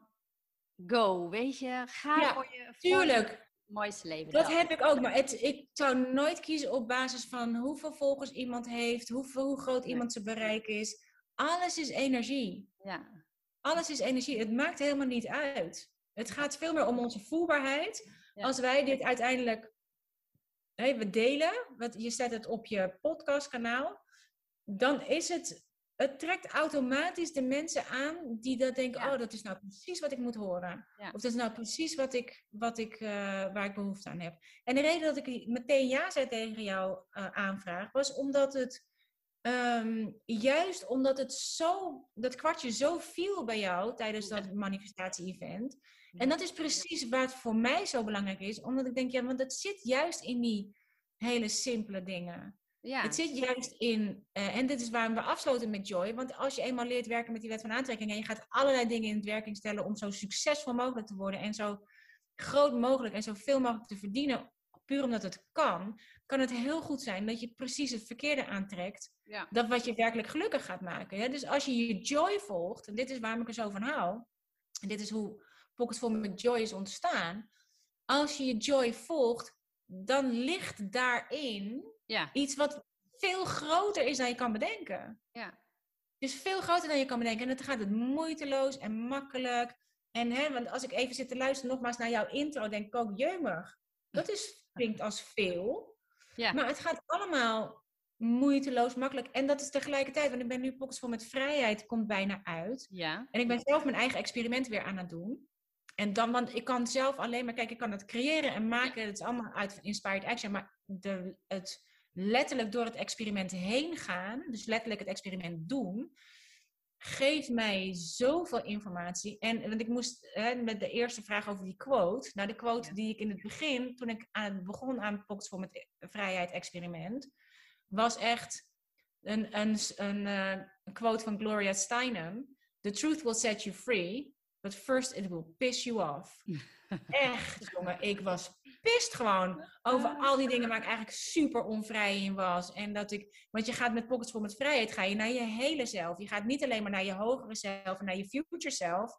Wat we natuurlijk doen met, uh, met al dat manifesteren. En, maar als je niet doorhebt wat er allemaal voor shit in die onderwereld ligt, met je lagere zelf en je jongere zelf, in dat onderbewustzijn waar we maar liefst 95% van onze dag in vertoeven. Ja, bizar. Dan heb je niet door hoe je onbewust van alles aan het ondermijnen bent. Nee. Dus ik kwam lagen van mezelf tegen dat ik echt dacht, ik dacht echt, nou laat maar. The truth will set you free, but first it will piss you off big time. Dus iedereen die denkt, oh lekker, ik ga eens even naar in die vrijheid. En het is een, het is een, uh, een inner roadtrip. We gaan, want een roadtrip is echt het, het ultieme gevoel van vrijheid. En ehm, ik dacht zelf ook, ook met het creëren, dat ik dacht, ik ga, nee, dit wordt gewoon zo'n feel-good, uh, feel-good experiment. Dan moet je eerst well, shit opruimen. Eerst even door die, eh, door die shit heen. Ja. Maar serieus, je komt jezelf echt tegen. Dus het is ook echt wel, het was voor mezelf ook echt heel goed. Maar als je er doorheen bent aan de andere kant, het is echt een soort hero journey. Als je er doorheen komt, want in die lagere zelf, er ligt echt, daar ligt het in. En ik, ik heb me nog meer weer eens gerealiseerd, op een dieper niveau, dat ja, het is heel goed om je altijd te, te richten op het positieve. We hebben natuurlijk die negativity bias in ons brein. Het zal altijd eerst gaan naar wat er niet goed is. Ja. En het is zeker van toegevoegde waarde om steeds te gaan naar wat er wel goed is. Wat is er wel goed? Wat is er wel goed? Wat kan ik wel? Wat, wat is er wel? Alleen door de hele soort van positieve psychologie-politie hebben we het idee dat we ons niet meer slecht mogen voelen. Nee, nee. Terwijl, dat zit letterlijk in je lagere zelf. En in Pockets voor met Vrijheid ga je ook in een, in een visualisatie naar je lagere zelf. Maar als je daar doorheen gaat, dan komt er een enorme power uit. Het is echt uit de as herrijst de phoenix. Oh ja. Ik kom daar vandaan. Maar op het moment dat je daar doorheen kijkt, op het moment dat je er steeds vandaan gaat, omdat je blijft focussen op het positieve, en je eigenlijk weggaat van dat negatieve, dan heb je niet je shit opgeruimd. Het enige wat je dan doet is een soort van, uh, van een goudlaagje overheen, over die shit heen. Maar die shit zit er nog steeds onder. Terwijl als je er doorheen gaat, dan los je het letterlijk op. En dan is het opgelost. Dan is het onderdeel van wie. Het is onderdeel van wie je bent. En dit is waar we beginnen met Pockets met Vrijheid. Met je, een ontmoeting met je hogere zelf. Je GPS, je innerlijke GPS. Een ontmoeting met je future zelf. Waar ben je onderweg naartoe? Een ontmoeting met je jongere zelf. Wie neem je mee op je reis? Want we zijn allemaal niet ouder dan zeven. Omdat dat onderbewustzijn niet ouder is dan dat. Ja. En een ontmoeting met je lagere zelf. En als je dat in een soort van Venn-diagram, zo'n vier van die cirkels hebt dan kom je precies in het midden, is je hele zelf. Je wil alles meenemen daarvan, want daar ligt het in. Alleen dat schrijven we heel vaak weg, omdat we dat niet willen zijn, omdat we ons daarvoor schamen, omdat, we niet, omdat dat niet mag van onszelf. Maar juist dat hele, die hele zelf zijn, dat is gewoon letterlijk helend. Waardoor je inderdaad naar die schaamte dingen kan. Ik denk, oh ja, maar daar schaam ik. Als iemand dat van mij zou weten, dat zou ik echt heel erg vinden. Ja, dat, daar word je onbewust door aangestuurd. Omdat je dat wil vermijden. Dat je denkt, nou, kosten wat het kost. We dit is waarom we bang zijn om door de man te vallen. Dit is waarom we bang zijn voor dat hele imposter syndrome. Dat zeker als je een beetje in de spotlight staat. Ik denk, nou, als mensen toch eens wisten hoe ik echt was. Ik denk altijd, als je, als je gefilmd zou worden. Stel, je zou de hele dag stories maken. Alleen je zou niet weten dat het stories zijn. Dus de hele dag word je gefilmd en het wordt de hele dag in stories continu gedeeld op Instagram. Hoe zou je je dan voelen? Oh mijn god, ik denk dat, dat iedereen zich helemaal gek zou schrikken. Ja, tuurlijk. Toch? Dat je denkt, nee, nee, nee, nee, ik wil niet dat iemand me zo ziet. Nee. Dat we net even uitvallen tegen onze kinderen. Of dat we net even, weet je, dat we echt net eventjes uh, totaal ongeïnteresseerd in het leven zitten te balen op de bank. Je denkt, oh ja, en zij is uh, zeker, uh, weet je, dat soort dingen. Ja. En daar wil je naar kijken en daar wil je doorheen. Ja, daar leer je ook dus, dingen uit. Ja. Ja. Ja, dus the truth will set you free, but first it will piss you off. Ja. En wat doe jij dan op die momenten dat jij dan even niet die joy voelt? Dan hangt het een beetje vanaf hoe, uh, hoe heftig ik het voel als ik, ik heb hem ook meegenomen, ik neem het natuurlijk ook allemaal mee in de boekjes. Dus in de boekjes, ik noem het manifestatie. In het boekje ga je, omdat het een inner roadtrip is, ga je ook op een, heb je ook een soort, uh, soort van wonderwagen. Dus zeg maar als vehicle, waar, ga je, waar zou je op een mee in een roadtrip willen? Dus je maakt een soort innerlijke auto en daar heb ik een soort dashboard op. En daar elke keer als ik me incheck met hoe ik me voel, gaat dat dashboard aan met destination manifestation, destinatie manifestatie waar ben ik onderweg naartoe? En op dat moment kan ik even inchecken bij mezelf, oké, hoe voel ik me? Als ik me heel, kijk, als ik me heel goed voel, keep going, want je gaat sowieso de goede weg op, ook al weet je niet waar je heen gaat. Voel je je niet goed, dan laat ik letterlijk even in mijn hoofd het gaspedaal los. ik denk, oké, ik moet even, want ik ben sowieso, als ik me niet goed voel, ben ik onderweg naar iets waar ik niet heen wil. Dat is wat de wet doet. Je trekt aan wat je uitzendt. Dus op het moment dat ik me niet goed voel, dan trek ik daar meer van aan. Ja. Als ik me niet bewust ben dat ik me zo voel, omdat het onderbewust gebeurt, ja, dan ben ik onderweg naar iets waar ik helemaal niet eens heen wil en ik heb het niet in de gaten. Nee. Kijk, als je je echt niet goed voelt, als je je meh voelt, dan denk ik, oké, kan ik iets denken waardoor ik me beter voel? Want ik met mijn gedachten stuur ik mijn gevoel aan. Kan ik iets denken, wat dacht ik überhaupt? Want we hebben 60 tot 80.000 gedachten per dag. Ga maar eens even onderzoeken wat je denkt. Maar onze gevoelens daarentegen, die worden veroorzaakt door die gedachten. Door, door me eerst af te vragen, wat voel ik? Dan denk ik, oh, ik voel me gehaast of ik voel me uh, gestrest. Dan denk ik, oh, wat dacht ik? Ik dacht, oh man, ik moet dit nog doen, ik moet dat nog doen, ik moet daar. Dan denk ik, oh, geen wonder dat ik me zo voel. Kan ik iets denken waardoor ik me beter voel? Wat Abraham Hicks een better feeling thought noemt. Kan ik een gedachte hebben waardoor ik me beter voel? Ik kan denken, oh ja, maar ik hoef me alleen maar eventjes te focussen op nu. Kan ik deze taak van nu, kan ik dat nu doen? Oké, ja prima, oké, okay, gas erop en gaan. Ja. Voel ik me echt niet lekker? Voel ik me echt, hè, zo'n, dat ik echt uitkom bij een soort down and out? Ja, dan denk ik echt pool over, want het heeft helemaal geen zin om dan door te gaan. Dan, let, dan denk ik echt, laat maar vallen dan, het komt er toch wel van. Het geeft niet of je rent. Want daar kan je gewoon, laat maar gaan. Dan is, heeft het zoveel momentum, dan kan je beter gewoon eerst crashen. Ja. En dan, dan uit die afzij reist de Phoenix. Dus ik doe niks. Als ik me zo voel. Als ik me zo voel, dan denk ik, jongens, daar ben je allemaal. Ik ga lekker in bed, jongen. Ik ga Netflix. Ik kan me niet schelen wat ik ga kijken. Echt. Morgen ik ben vandaag niet aanspreekbaar. Ja. Blijf voor je eigen veiligheid uit mijn buurt. Ik wil gewoon even helemaal niks. Dan ga ik ook echt, dat geeft mezelf ook alle ruimte om gewoon down en out te gaan. Ja. Omdat het, het geeft me altijd.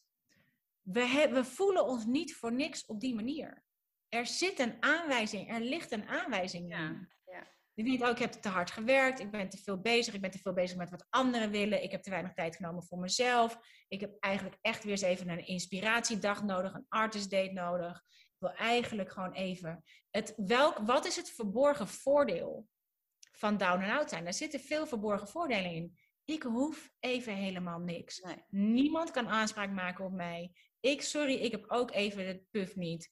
Ja. Dat is een enorm verborgen voordeel. Ja. Sorry, ik kan niet. Ik voel me niet lekker. Ik heb hoofdpijn. Er zitten allemaal voordelen in. Het ontslaat ons van heel veel verplichtingen waar we gewoon geen zin in hebben. En nu hoeft het even niet. Dus voel dan. Kijk, en dit is het mooie ervan. Als je jezelf dan ook permissie geeft om het volledig te voelen en te denken: lekker jongen, ik hoef voor niemand te zorgen. Dat is een positief gevoel. In het feit dat je down and out bent, maar wat wij vaak doen, is dat we ons daar schuldig over voelen. Dat je denkt, ja, of dat we dat niet willen laten zien aan een ander. Dat je denkt, oh ja, ik vind het eigenlijk wel heel lekker dat ik even niks hoef te doen voor iemand. Dat mogen we dan niet voelen van onszelf, waardoor het weer een negatief gevoel wordt. Maar als je down and out gaat en je ligt echt helemaal in je hummetje met die foute Netflix-serie, dan is je vibratie gaat automatisch omhoog. En je komt zonder dat je daar moeite voor hoeft te doen, automatisch weer trek je weer meer dingen aan die je een goed gevoel geven. Ja, ja. Maar geef je jezelf wel de ruimte om je slecht te voelen.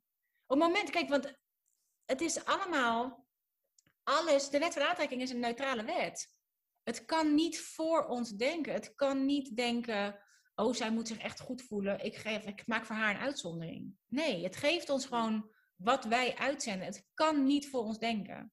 Nee. Alles wat er gebeurt, om ons heen is ook neutraal. Het, is onze, het zijn onze gedachten erover, ons gevoel erover, wat het tot een positieve ervaring of een negatieve ervaring maakt. Maar de, de ervaring zelf is neutraal. Ja. Het, hè, als het regent en de boer zit erop te wachten omdat het zijn, zijn oogst anders mislukt, voor hem is de regen een blessing. Maar voor de bruid en de bruidegom die baan als een stekker, dat een hele, hele dag in het water valt. Dezelfde regen, positief. Mijn kinderen geven er niet om.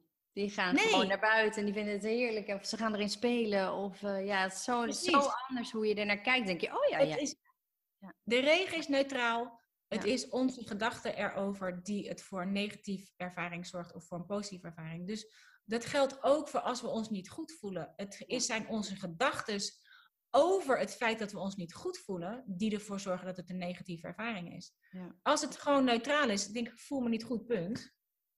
Ik ben moe, punt. En zonder dat je daar een heel verhaal van maakt, of zonder dat je daar een hele van alles aan, eh aan koppelt. Ja. Dat maakt het negatief. Anders ben je er zo doorheen. Ja, is ook. Als het prima is om je, om je niet goed te voelen. Maar wij, en zeker degenen die gaan werken met de wet van aantrekking. Die denken, oh mijn god, ik mag me nooit meer niet goed voelen. Ik mag niet negatief denken. Ik moet positief denken. Ik moet Ja, positief denken. Ik moet positief Ja. denken. Zonder dat je doorhebt dat je daarmee een heel erg neediness uitzendt. Maar dat is wel wat er gebeurt als je voor het eerst ermee bezig bent.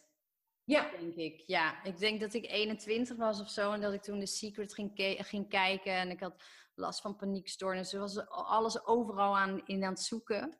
En dan denk je ook echt van, oh nee, oh nee, want zo mag ik niet Oh nee, denken. oh nee, oh nee. Ja. Ja. Ja. En dat is een, ehm, eh, en dat is ook logisch, want in het begin worden we ons gewoon ineens bewust van wat we überhaupt denken. Ja. Tot die tijd is dat in het onderbewustzijn. Nu word je ineens bewust van wat je denkt, Ja. Maar dan kom je in een soort van bewust, maar nog onbekwaam. Je kan het nog niet, Nee. je kan er nog niet zoveel mee. Maar het feit dat je doorhebt dat je eigenlijk zoveel bullshit denkt, Ja. dat is best depressing. ja. The truth will set you free, but first it will piss you off. En Dat hoe vaak best- het zich herhaalt. Hoe vaak je eigenlijk Ah. hetzelfde over jezelf denkt of over een situatie. Of, oh ja. Iedere dag. Ja, want van die 60 tot 80.000 gedachten die we hebben per dag, is maar liefst, nou, ik geloof Ja, misschien wel volgens mij 95 procent. Oh, nog meer, ja. Het is volgens mij Zelf, heel ja. hoog. Nou, laten, laten, we, laten we laag inzetten. 80 procent is wat we iedere dag opnieuw denken. Ja, ja. Gewoon ingesleten denkpatronen waar wij niet eh, bewust van zijn, maar waarmee we wel diezelfde wereld blijven aantrekken. Ja, bizar. Dus ik doe letterlijk niks als ik me zo voel. Ik geef mezelf gewoon letterlijk de ruimte om down and out te gaan. En daar dan de verborgen voordelen van te ervaren. Dan ben je daar zo doorheen.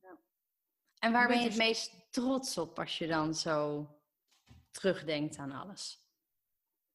Het meest trots, ik denk, nou, ik denk dat ik het meest, eh, en ik weet niet in hoeverre je daar trots op kan zijn, maar ik denk wel echt dat absoluut mijn beste creaties zijn mijn kinderen en mijn kleinkinderen. Ja. Het feit dat wij nu met vier generaties zijn, van dat ons gezin steeds groter wordt en dat mijn kinderen weer kinderen krijgen en dat ik ze daarin mag begeleiden, dat ik mijn bevallingen mag zijn, dat ik nu weer voor mijn kleinkinderen mag helpen opvoeden. Dat wij, en voor mij is ensemble c'est tout, samen zijn is alles, is de beste creatie die ik heb gemaakt. Als dat alles is, dan, Ja. is, dan is alles er. ja. En dat is alleen niet echt iets om trots op te zijn, denk ik. Want het is niet mijn verdienste. Die kinderen, ja, maar ik heb daar, dat ik daaraan mee mag helpen. Ja, maar het zijn tuurlijk. gewoon, zij doen het. Ik heb ze tools gegeven, maar zij gebruiken de tools. Ik had ze ook die tools kunnen geven. Die ze vervolgens, en dat ze het vervolgens niet Niet, toepassen. Dat kan ja. ook. ja. En misschien wel Maar- later uiteindelijk. Maar Ja, en ook dat, ik denk dat dat ook belangrijk is. Dat je ze ook de ruimte geeft om het niet toe te passen. ja. Ja. Hè, dit is wat voor mij werkt. Dat wil niet zeggen dat het voor jou werkt. Zo doen wij transcendente meditatie. En toen wij dat gingen leren, dat zijn vier, is een vierdaagse training. En wij dachten, ja, dit vind ik wel echt. Als die kinderen dit kunnen, jongen, dan heb je echt tools.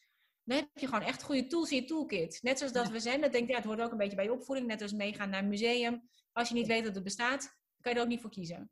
Nee. Dus eh, gingen we naar musea en naar theater en naar de opera en al die dingen waarvan we dachten, oh man, zo cool. Ja, vinden zij dat ook heel cool? Ja, ze vinden het allemaal ook cool, maar niet altijd. Nee. Transcendente meditatie hadden we ze meegenomen naar informatieavond op oudejaarsavond notabene. En ze gingen mee. Wat al heel cool was. Maar we kregen echt een hele vage soort van ouderstel die dat ging uitleggen met allemaal oude filmpjes over de, over de Maharishi. En kijk, wij wilden het gewoon heel graag leren, maar ik kon gewoon die kinderen naast me voelen in de weerstand. Die dachten, waar zijn we nou? Wat, mijn ouders zijn gewoon gek. En wij, ik voelde ze gewoon. Ik dacht, ja, ik wil gewoon leren hoe dit is. En Pascal had het precies hetzelfde. En Patty, een vriendin van ons, was ook mee. En die kinderen Ik dacht echt, oh mijn god, dit wordt helemaal niks. Wij moesten ons daarna opgeven. Het was gewoon een soort van privé-setting waar Pascal en ik, Patty en onze kinderen, die waren daar. En uh, nou, wij wilden het gewoon, wij dachten ook, mijn god, wat is dit? Maar ik wilde gewoon leren hoe je die transcendente meditatie moest doen.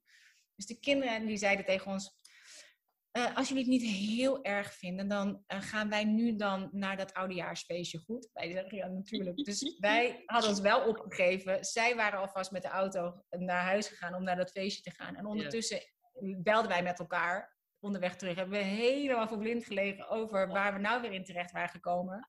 Dus ik zei, ik snap heel goed dat jullie dit niet willen doen. Pascal en ik zijn het wel gaan doen. En wij kwamen elke keer soort van helemaal glowing uit die meditaties. En dat Jimmy, mijn middelste dochter, op een gegeven moment zei, zei ze, godver. Ik had moeten blijven. Moet ik dus wel doen. En uh, ik zeg, ik zie het gewoon aan jullie. En toen dacht ik, wauw, dit is... En ik heb, ik heb ook gezegd, oké, we gaan het... Ik ga het jullie laten doen. Ik ga ook tegen ze zeggen dat jullie niet al die films... Want je krijgt vier dagen lang uitleg. Je krijgt op een gegeven moment je eigen mantra. Dat ze voor jullie echt een soort uitzondering moeten maken in niet al die filmpjes. En dat het echt to the point moet. En huppatee. En niet op oudejaarsavond. Een beetje moderner graag. Mm. En... Uh, dat hebben ze gedaan. En ik heb ook gezegd, je hoeft het niet te gebruiken. Ik wil gewoon dat als je, je hoeft niet, hè, officieel moet je het gaan, doe je twee keer per dag 20 minuten mediteren. Pascal en ik doen één keer per dag 20 minuten. In het weekend soms twee keer, maar meestal één keer per dag 20 minuten. Ik zeg, je hoeft het niet te doen. Nee. Maar ik weet, ik wil dat je het hebt op het moment dat je het nodig hebt, dat je denkt, ik kan dit doen. Ja. En dat, ze doen het ook niet. Ze hebben, we hebben erin geïnvesteerd.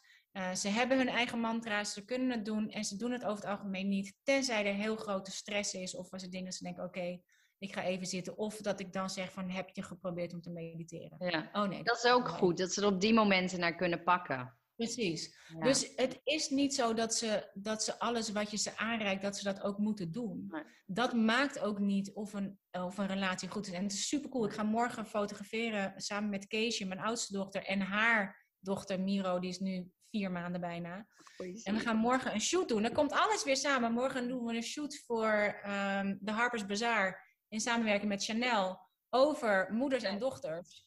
Dus ja. al die dingen, die horen op een bepaalde manier ja. allemaal bij elkaar. Ja. Maar het gaat altijd om de kern en het gaat altijd om dat gezin.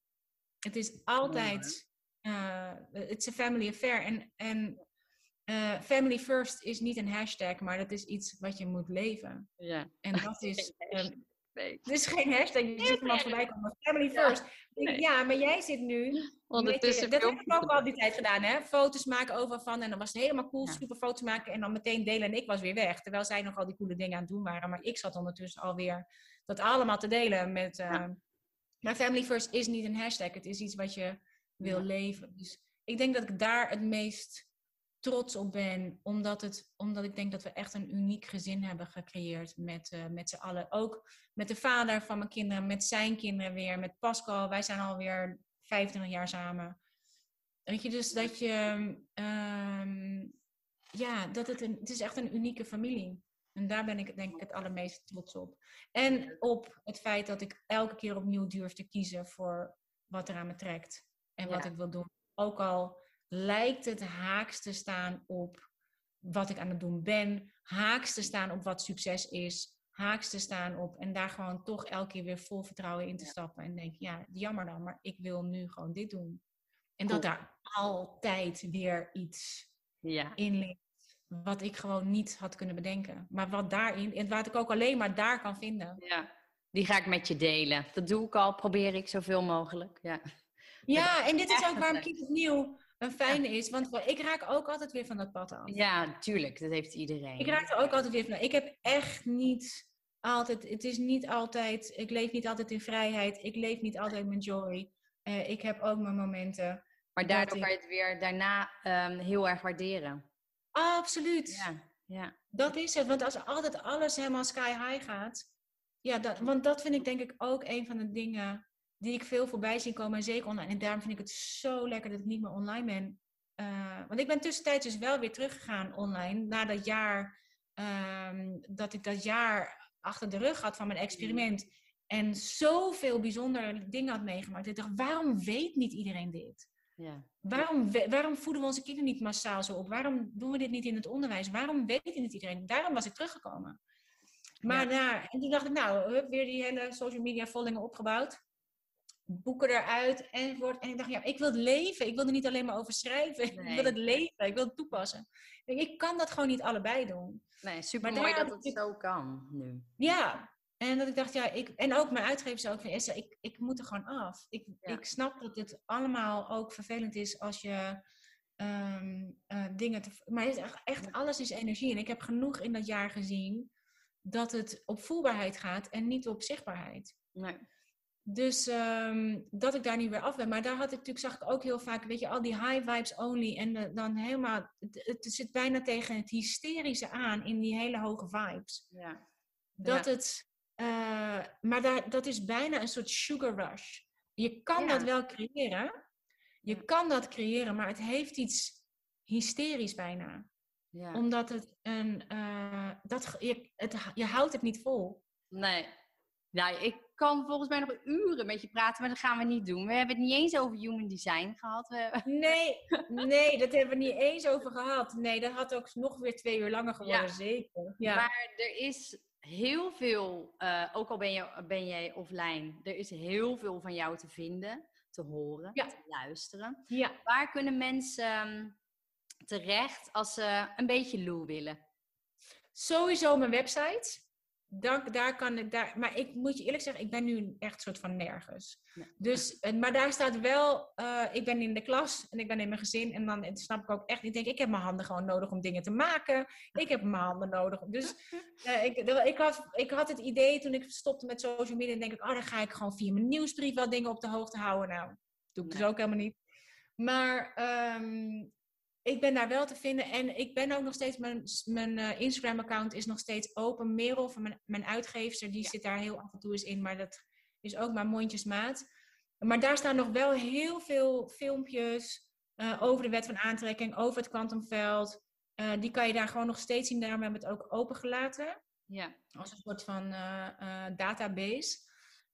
Op mijn website kan je, kom je natuurlijk automatisch bij mijn boeken. We gaan wel, Pockets voor met Vrijheid komt hopelijk eind van deze maand of begin half maart uit. En daar ga ik wel weer mee een live ronde doen.